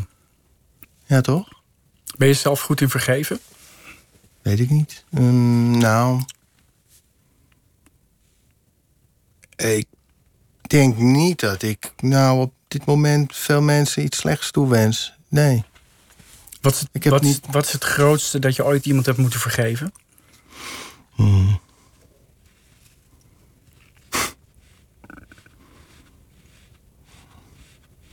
Nou, die stilte is al heel veelzeggend. Je hebt niet het gevoel dat je ooit ergens overheen moet, hebt moeten stappen? Nou, niet, eh, niet zo dat ik dit zware woord eh, uit de kast heb hoeven halen. Ik vergeef je. Nee, ik ben nog niet echt naar behandeld. Maar Dat, Echt woord, naar. dat, dat woord leggen jullie je personages wel meerdere keren in, het, in de mond.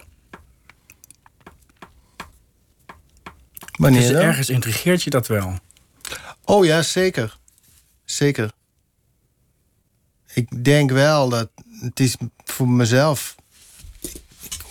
Ja.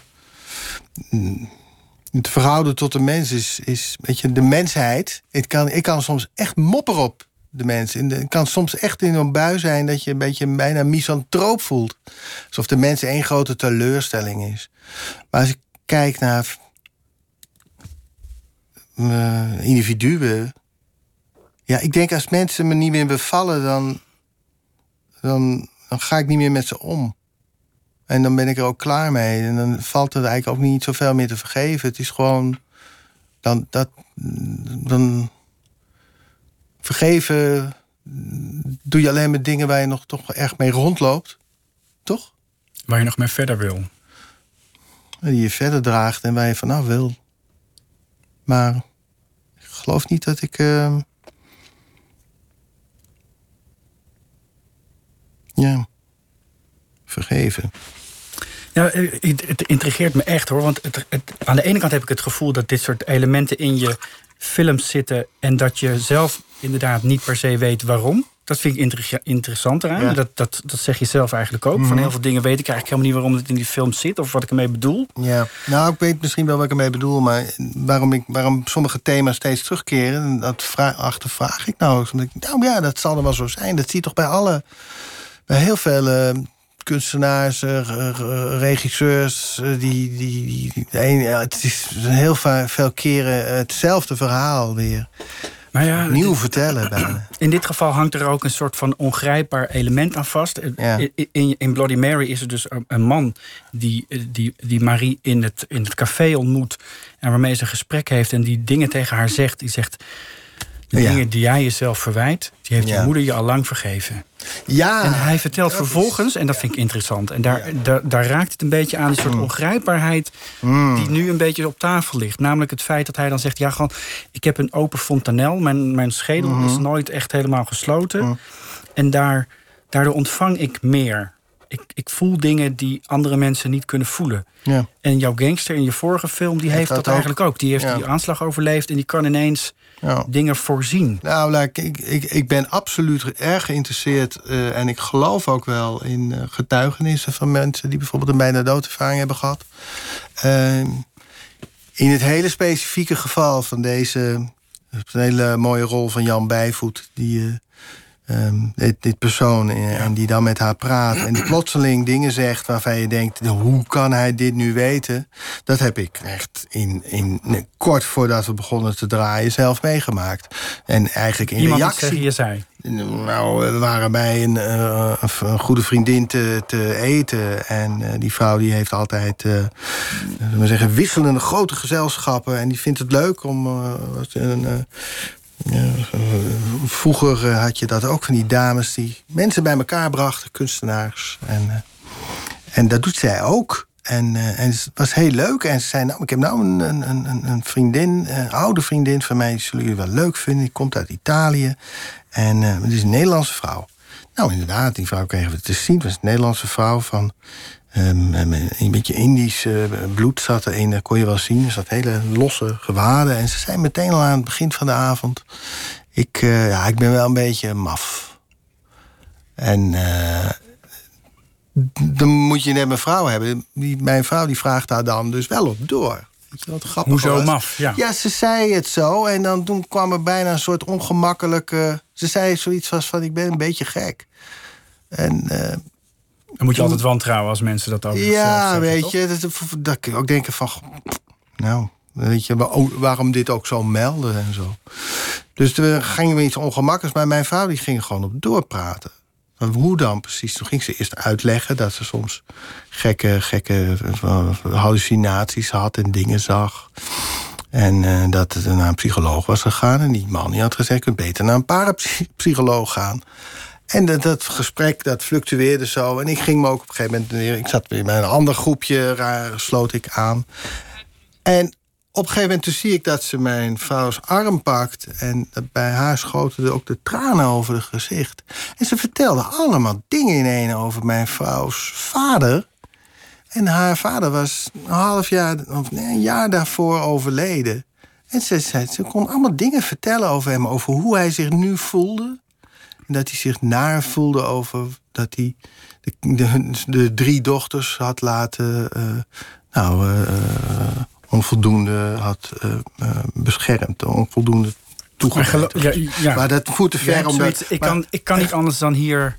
ja, het was toch echt. Hoe kan iemand die ik nog nooit eerder heb gezien.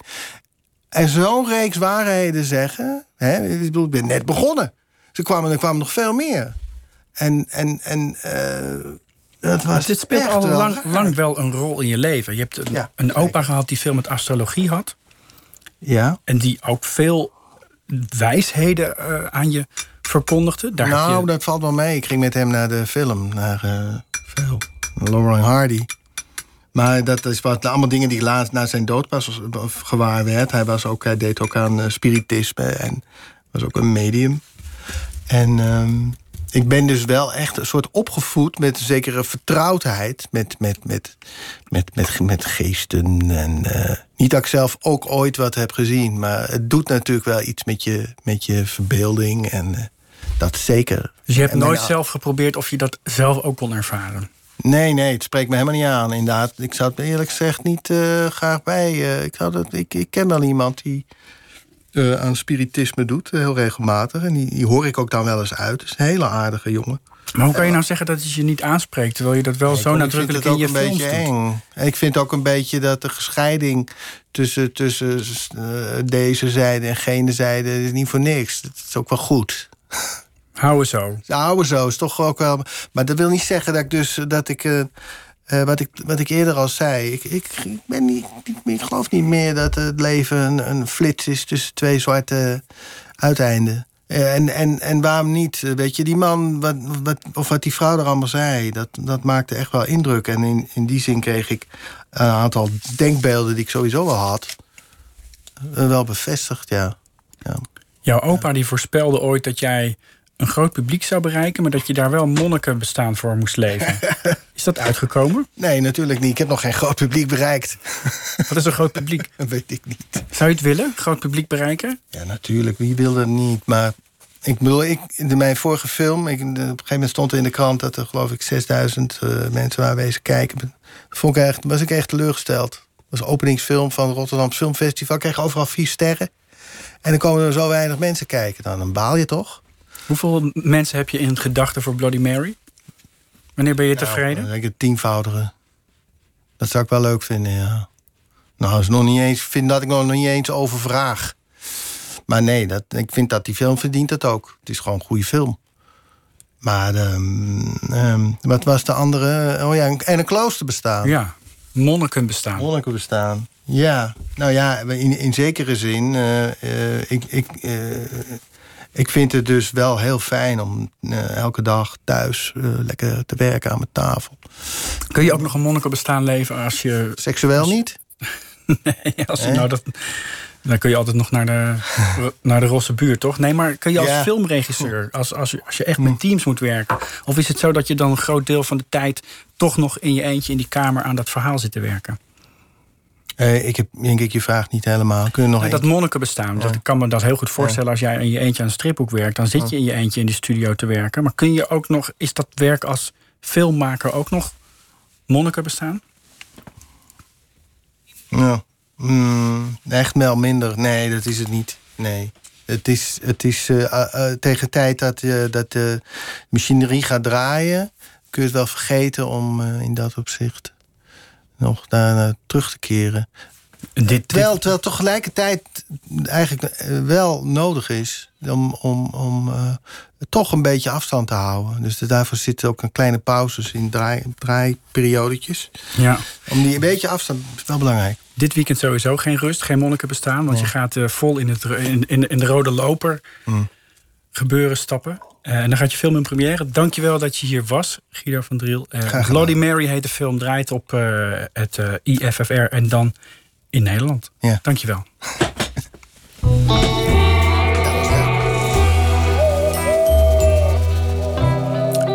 Juan Wouters, singer-songwriter, komt oorspronkelijk uit Uruguay, maar die woont nu in New York. Voor zijn nieuwe album keerde hij terug naar Zuid-Amerika om liedjes op te nemen met lokale muzikanten. Dat leverde onder andere dit nummer op, Blues Chilango.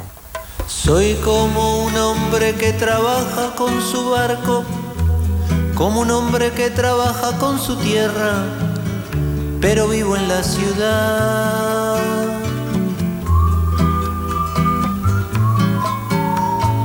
Me gusta la vida cotidiana de la calle de la noche, de tirar una moneda al aire y dejarla girar.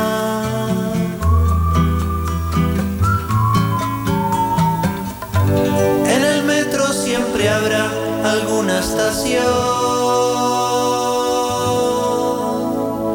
Vine caminando hacia Tepito Circulando por pasillos, saludé a una señora, me compré un pantalón.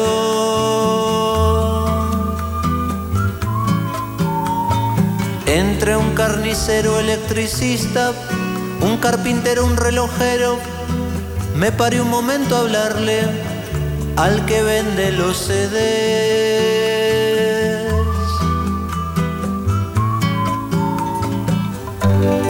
La gente se empuja al entrar al vagón.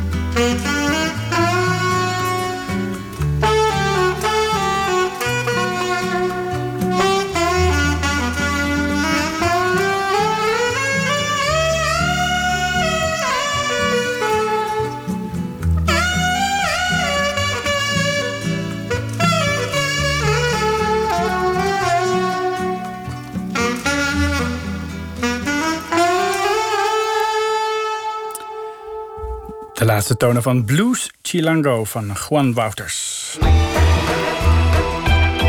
Nooit meer slapen. Wat doet het met je om eh, in de spotlights te staan? Dat onderzoeken we in de podcastserie Podiumbeesten. In het tweede deel is het woord aan cabaretiers. Hoe kwetsbaar is het om in je eentje op het podium te staan en je verhaal te vertellen? En hoe voorkom je dat je een karikatuur wordt van jezelf? Inge Terschuren praat erover met cabaretiers Katinka Polderman en Johan Goosens... en cabaretregisseur Jessica Borst. De podiumlichten gaan aan. Een zaal vol met publiek, recensenten en verwachtingen wacht op je. Acteurs, cabaretiers en muzikanten zijn het gewend om midden in de spotlights te staan. Maar eigenlijk is het een raar beroep. Bekeken worden door al die mensen die ergens op hopen, iets van je vinden, die je een beetje denken te kennen. In de podcastserie Podiumbeesten zoomen we in op de mensen op het podium. Hoe is het om daar te staan?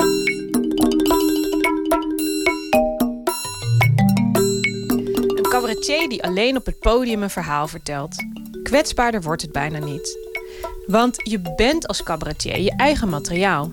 Alles wat je zegt komt uit jouw hoofd of jouw leven. Maar je kiest natuurlijk wel een vorm om je verhaal in te vertellen. Hoe persoonlijk moet je worden om mensen te kunnen raken? En hoe verhouden die echte zelf en podium zelf zich tot elkaar? Ik praat erover met cabaretiers Katinka Polderman en Johan Goosens... en cabaretregisseur Jessica Borst. Dus dan, dan doe ik heel stuk over rimmen. Daarna zeg ik, ik geef trouwens nog steeds les. En dan is het weer... Ja. eh, Nou ja, ik moet je eerlijk zeggen, als jij nog les gegeven Nee, had, ik had ben het niet, nee, nee, ik- dan ik- had het niet gekund. nee, dat is waar. Nee, Is dat zo? Nee, mag je dan niet Nee. rimmen? Nou, je mag wel rimmen, maar Waarom mag je niet rimmen? niet in de klas. Niet, in de- niet tijdens de les. Dat is eigenlijk... Johan Goosens stond jarenlang bekend als de onderwijscabaretier. Hij is nu gestopt met lesgeven omdat hij een programma maakt over seks. Nee, het is, eh, een enorme bevrijding geweest, ja. Want nu kan ik gewoon weer alles zeggen. En Dat is het rare. Kijk, eh, als je een leraar bent... maar ik denk eigenlijk bij ieder beroep... als je gewoon voor een baas werkt of bij een bedrijf... ja, je moet je toch een beetje ja, opletten wat je zegt in het, op het, in het openbaar. En nu ben ik gewoon weer mijn eigen baas. Nu kan ik eigenlijk alles zeggen. Ik heb alleen mezelf ermee. Ja. Je schaamhaar geurt naar alpenwijs, ringen en naar lelies. Het zweet dat parelt op je zak, dat smaakt exact als Baileys. En wist je dat er voor een vrouw niets heerlijkers bestaat... dan die goddelijke smaak van vers en lauw warm zaad. Voor Johan Goosens is het dus een bevrijding om precies te kunnen zeggen wat hij wil. Maar voor Katinka Polderman wordt het zingen over seks langzamerhand een keurslijf. Want zij begon haar carrière juist met scherpe liedjes over seks. Nou, je snapt, dat lust ik wel. Pie, pie, pie, pie, pie, pie, pie, pie, pie, pie, pie. Piepa, pijpen, haal hem uit je broek. Nou, er wordt wel verwacht dat er in elke voorstelling één zo'n soort liedje zit, ja. Ook door pers. Het mag, het, het mag niet gewoon maar mooi zijn. Het moet altijd één zo'n liedje in zitten. En dat vind, dat vind ik wel irritant. Want het moet toch niet zo zijn dat, dat ik altijd... Hè, er, er gaat ook niet, het moet niet zo zijn dat er in, in elk, elke voorstelling een liedje over seks zit. Ik bedoel, er wordt ook niet van me verwacht dat ik in elke voorstelling een liedje over huisdieren heb. Dus dan waarom wel over seks? Dus, eh... eh, en er kan in de volgende kunnen misschien wel drie van dat soort liedjes zitten, maar, maar ook nul. Wat levert het op om zo direct of persoonlijk te zijn? Voor Katinka Polderman is het vooral de kick van het optreden. Het voordeel aan optreden is natuurlijk, zeker als je het zo eng vindt, dat je daarna enorm veel adrenaline krijgt. Dus je hebt altijd zo'n sterke beloning. eh, dat het dan dus niet gaat over dat je zegt van ik heb goed een grens verlegd. Maar dat je weet van oké, maar na afloop ben ik helemaal in de gloria.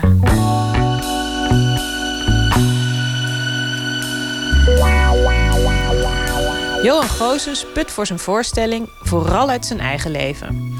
Nou, over het algemeen verzin ik heel weinig, laat ik het zo zeggen. ik, eh, nee, ik ben ook niet... eh, Maar dat deed ik met het onderwijs eigenlijk ook niet. Ik verzin weinig, ik overdrijf weinig. Het is alleen wel zo dat je selecteert natuurlijk. Hij staat bijna naakt op het podium, heeft het over rimmen, zijn eerste moment van opwinding toen hij de billen van een klasgenootje zag, en over daten. Maar ik zit nu op een sociale... Ik zit, ik zit uh, Grindr. Grindr, ik weet niet of je dat kennen. En Grindr is een app voor... Uh, ja, daar kun je eigenlijk alle homo's zien in de buurt. En daar kan, kun je nog gesprekjes mee voeren. Van, uh, gesprekjes van... Uh, hey, neuken. Nou, en... eh ja, ook wel inhoudelijk van... Hè, wat is je adres? En... en uh, ja. En wat, en wat vind je lekker, weet je wel? Want iedereen vindt natuurlijk iets anders lekker. De een houdt hiervan anders. Sommige mensen hebben een fetish. Ik heb niet echt een fetish. Nou ja, uniformen vind ik op zich... Nou ja, uniform. Ik vind iemand in een galle shirt al geil. Maar goed, uh, ja. Ja, je neukt toch meteen een heel bedrijf.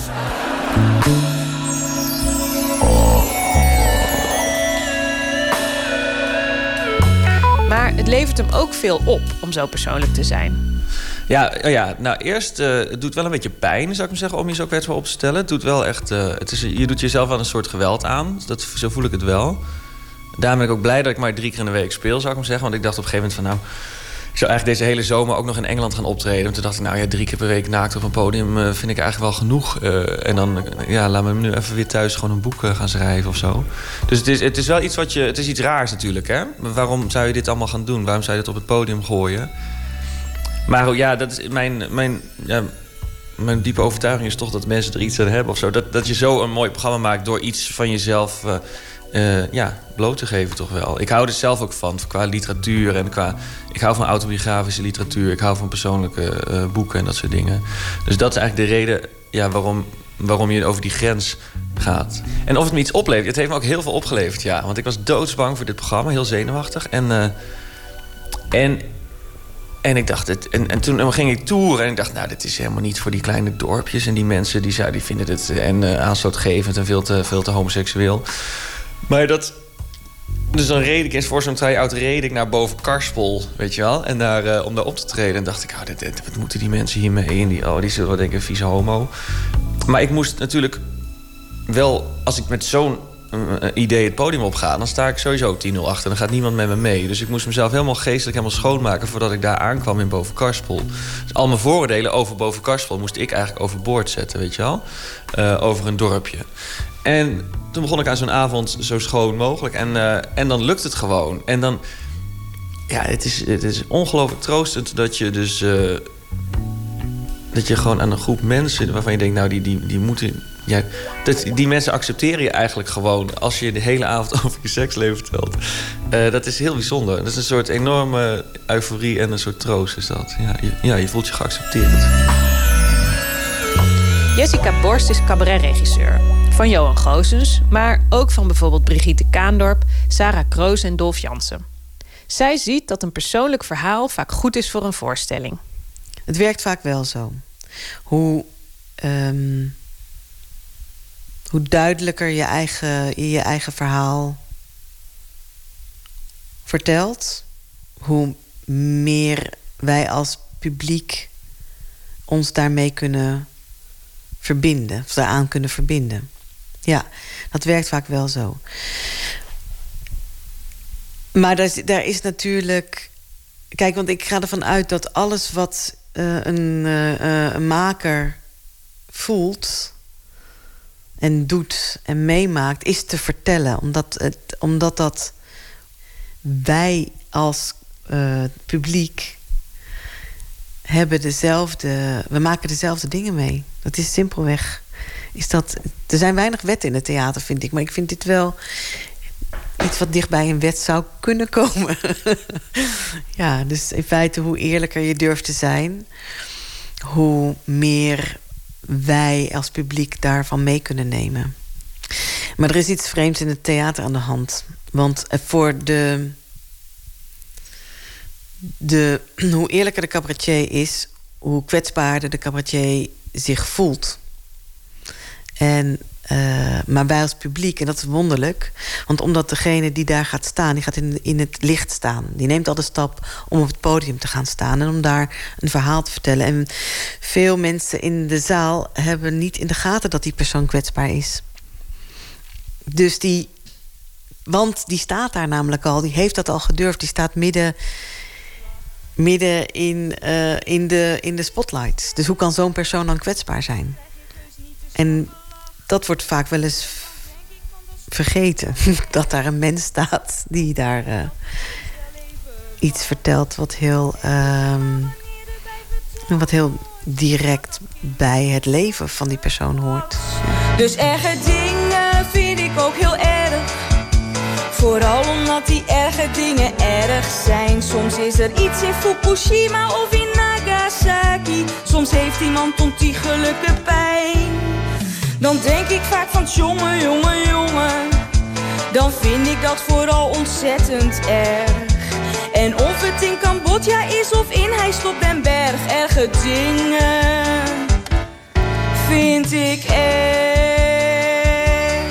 Hoeveel brani Katinka Polderman ook kan vertonen... ze heeft lange tijd het gevoel gehad dat het publiek haar niet erg bijzonder vond. Dat wordt steeds minder, maar het is altijd wel geweest uh, dat ik wel zal teleurstellen. Of uh, ik ben het maar. Of de, eigenlijk het idee van, oh, de kaartjes voor alle andere voorstellingen waren op, dus dan komen ze maar naar mij.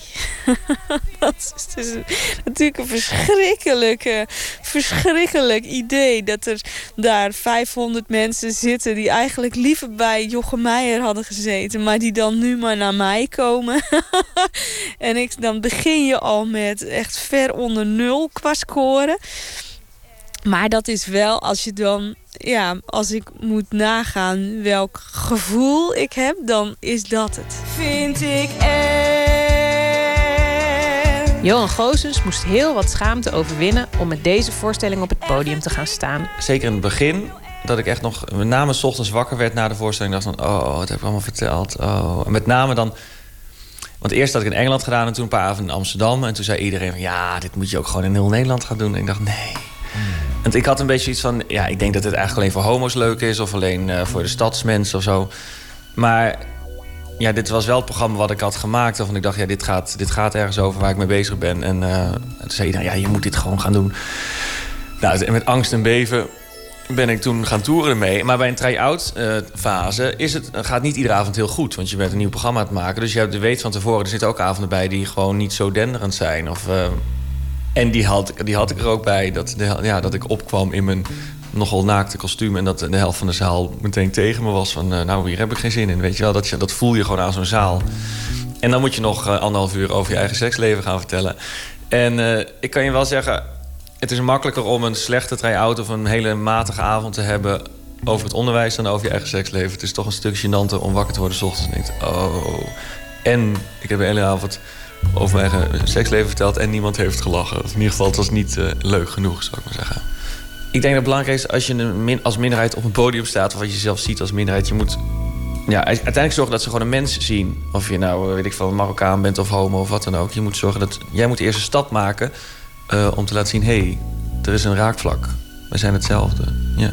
En als dat lukt, is dat heel gaaf. Ook in een MeToo-discussie. Ik denk dat openheid is belangrijk. Ook qua seks. Dus ik geef even het goede voorbeeld vanavond. Ik vertel eerst over mijn seksleven. Uh, dan ben jij aan de beurt. En dan jij. En dan gaan we zo heel de zaal door. Ik ben, heel erg benieuwd uh, hoe het gaat. Ja. Ik denk niet dat ik me ook niet schaam. Ik zit ook borst, barstensvol uh, schaamd. Ik ben echt een beschaamd mens. Ik heb iedere dag wel dingen dat ik me voor schaam. Vandaag bijvoorbeeld had ik schaamte. Dat is echt heel stom. Maar ik stond gewoon in de bus. En toen kwam mijn halte.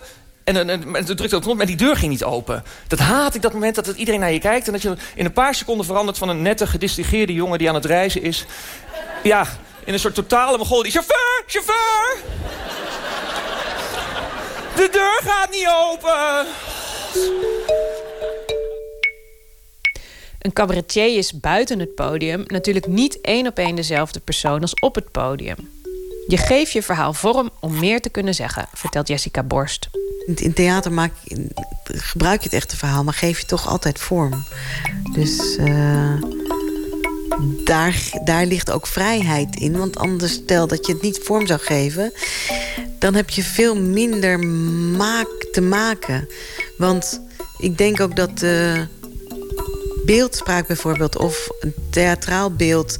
een symbolische waarde geeft... die veel um, uh, dieper een um, gevoel aan kan raken... dan, het, dan de puur realistische uh, uitgewerkte verhaal. Dus ik, ik hecht wel erg aan de theatrale vorm, merk ik.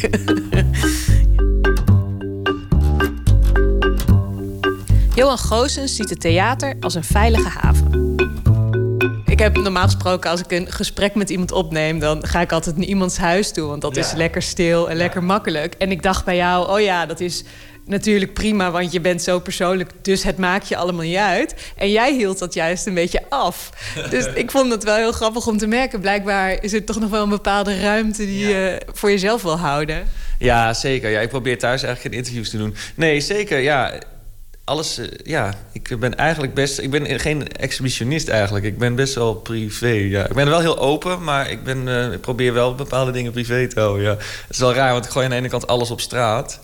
Maar dat is wel met een doel, zou ik zeggen. En dus ook met een. eh, en met een vorm, zou ik zeggen. Daarom is een interview alweer lastiger. Als ik nu allemaal seksverhalen zou vertellen uit mijn eigen leven... zou het alweer gênanter zijn dan in mijn voorstelling. Omdat het dan minder een vorm heeft. En daardoor echter is. En daardoor nog gênanter. Ja. Ja, precies. Dus in het theater kies jij de vorm en kies jij de verhalen... en is het allemaal op jouw voorwaarden en daarom kan het. Ja. Dat is de voorwaarde, ja.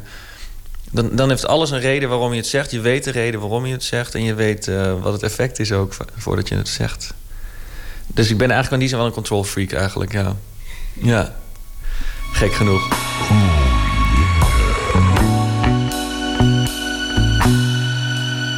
Katinka Polderman denkt bewust na over wie ze wil zijn op het podium. Op het podium wil, wil ik een eh, uitvergroting zijn van mezelf.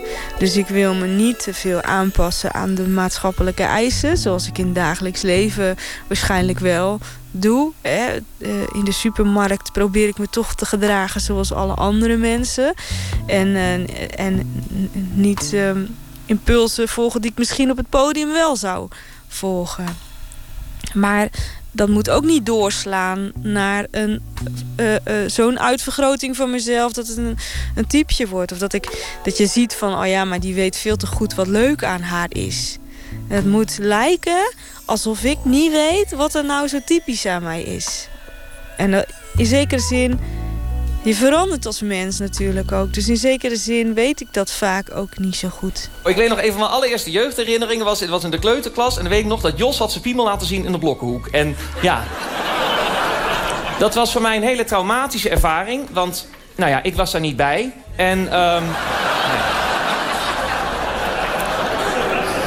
Ik zat in de poppenhoek. En, eh ik zat met poppen te spelen in de poppenhoek. En ik, maar ik weet nog dat er een collega kleuter kwam aangerend. En die zei, ja, Jos heeft zijn piemel laten zien in de blokkenhoek. Nou, ik wou meteen naar die blokkenhoek. Maar ik zag ook al, de juffrouw stond er al. Nou, en dan weet je, ook op je vijfde weet je dan... nou, dan zitten de piemels weer in de broeken. Ja, daarna heb ik nog wel een paar dagen gesurveilleerd bij de blokkenhoek. Ja. Fear of missing out, ja. Hoe voorkom je nou dat je een karikatuur wordt van jezelf? Nou, alle drie zijn het er duidelijk over eens. Kijk uit met tv-optredens. Ja, dat, eh, is heel moeilijk. Cabaret op tv is heel lastig. Zeker omdat dan heel veel re- redacties die gaan dan... Die, die nodigen jou dan vaak uit als een soort luchtig onderdeel van het programma. En ik ben er ook wel eens in gestonken hoor. Van, nee, het moet gewoon lekker luchtig gaan vertellen en heel grappig. En voor je het weet vergeet je het hele onderwerp... en zit je gewoon helemaal grapjes te tappen. Maar het gaat eigenlijk... eh, je moet altijd vanuit het onderwerp vertrekken... en het onderwerp moet je wel serieus nemen. Anders dan ja, zit je alleen maar... eh, word je soort eh, ja, flat character, zou ik maar zeggen... die dan eh, mopjes loopt te tappen. Ja, televisie heeft een heel eigen dynamiek natuurlijk. ik zou eigenlijk alle cabaretiers afraden om op televisie in een praatprogramma te verschijnen. Tenzij je heel veel spreektijd krijgt en er een echt gesprek kan, kan zijn. Ehm, maar je moet altijd oppassen, vind ik, om als je uitgenodigd wordt als de potsenmaker of de meningenmachine. Eh, want daarmee stap je namelijk in een eh, toch al klaarliggende karikatuur. En dat, eh, als je, nou, dat, kan, dat kan je kwaad doen. Niet iedereen is daar geschikt voor om, om daar in mee te draaien in die, in die machine in feite. Daarom is cabaret vaak ook niet geschikt voor op tv. Omdat er hele hordes mensen zijn die niet snappen dat, je, dat sommige dingen eh, zo erg zijn om te zeggen dat je ze wel niet zal menen. Dat je dus wel het tegenovergestelde zal bedoelen. Maar dat, dat idee, dat lijkt helemaal weg uit de maatschappij. Als je een, eh, Eh, ook omdat er mensen zijn die, die werkelijk uh, bepaalde meningen op Twitter roepen. Dat je denkt, ja maar gast, dit is gewoon cabaret. Zeg kleine vluchteling, al op je schuitje.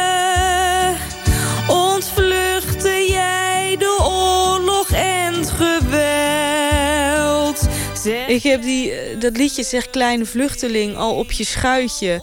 Wat helemaal gaat over... Uh, kleine vluchteling, zou je wel hier naartoe komen? Want wij hebben het hier ook niet zo goed. Want uh, de diesel is heel duur. En naast elke basisschool woont een pedofiel. En dat is bijna letterlijk een Facebook-post van iemand... die ik eigenlijk alleen maar op rijm heb hoeven zeggen, zetten. Ja, dus het, cabaret ligt voor het oplapen. Ja, maar het lijkt me je vak ook wel heel moeilijk maken. Doordat sommige mensen, als jij dat lied zingt... dat sommige mensen inderdaad zullen denken... ja, zo zit het. Is ook echt wel eens iemand naar me toegekomen... die zei van ja, ik vind altijd zo fijn... want jij zegt tenminste wel hoe het zit. Net als met die vluchtelingen. nou ja, daar heb ik maar niks op teruggezet. was ook niet zo'n heel... Eh, je zag zeg maar dat het dat niet zo heel slim was. En dan vind ik het fijn dat zo iemand ook uit mijn voorstelling kan halen wat haar aanstaat. Hij zei iets in het buitenland, dat kon ik niet verstaan. En ik zei, zeg... Het hoort dus ook een beetje bij het vak. Dat mensen je niet helemaal begrijpen, een grap verkeerd interpreteren... of een stempel op je drukken waar je niet meer vanaf komt. Maar, meent Jessica Borst, cabaretiers moeten zich daardoor vooral niet laten beperken. De vraag is wel vaak, mag je overal grappen over maken? Is zo'n soort standaard uh, vraag. En dan is het antwoord ja, als het bij je past. Ik weet uh, dat er hele gevoelige onderwerpen waren toen ik net begon over bijvoorbeeld uh, kanker of mensen met syndroom of, syndroom van Down. Als je daar dan grappen of iets, iets over wilde vertellen, dat lag ook erg gevoelig. Daar kwamen ook brieven naar het impresariaat. En ik denk dat mensen gelukkig maar gevoelig zijn en op hun tenen getrapt. En als ze dan dat ook kunnen verwoorden waarom dat is... dan denk ik, dan hebben we weer een gesprek. Dan komt het weer goed. Dus, dus ik vind dan vooral, nou laat dat dan vooral weten... dat je vindt dat het niet kan. En vervolgens doen wij, wij gaan we het gewoon mee door natuurlijk. Want het is, het is niet dat je de wet laat voorschrijven... door wat er zogenaamd wel of niet kan. Ik denk dat we hier gelukkig in Nederland theater kunnen maken... Eh, zo zonder dat er enige instantie is die bepaalt wat jij wel en niet mag zeggen. En zeker niet, je moet zeker geen zelfcensuur toepassen. Want dan ben je, vind ik, als maker... dan, dan, is, dan ben je echt uh, van het padje. dat is heel ernstig. Nee, geen zelfcensuur. Nee.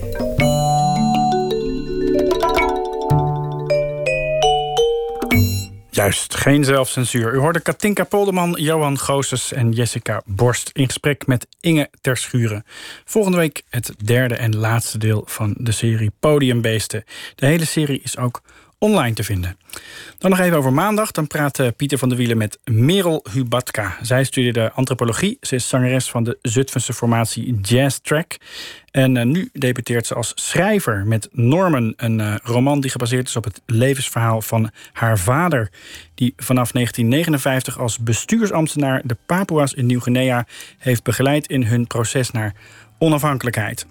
Een man van uh, jonge leeftijd die in de jungle zijn idealen probeerde te verwezenlijken. Tegen de achtergrond van een internationaal conflict. Dat dus maandag. Voor nu een hele goede nacht.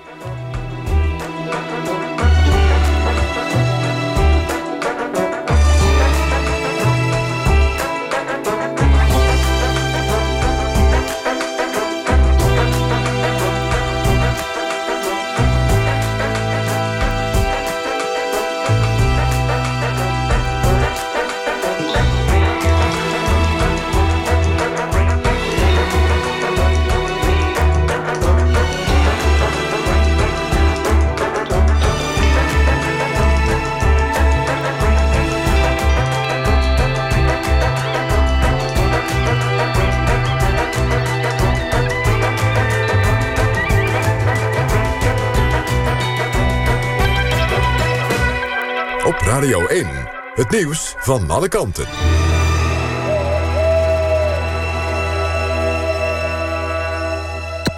NPO Radio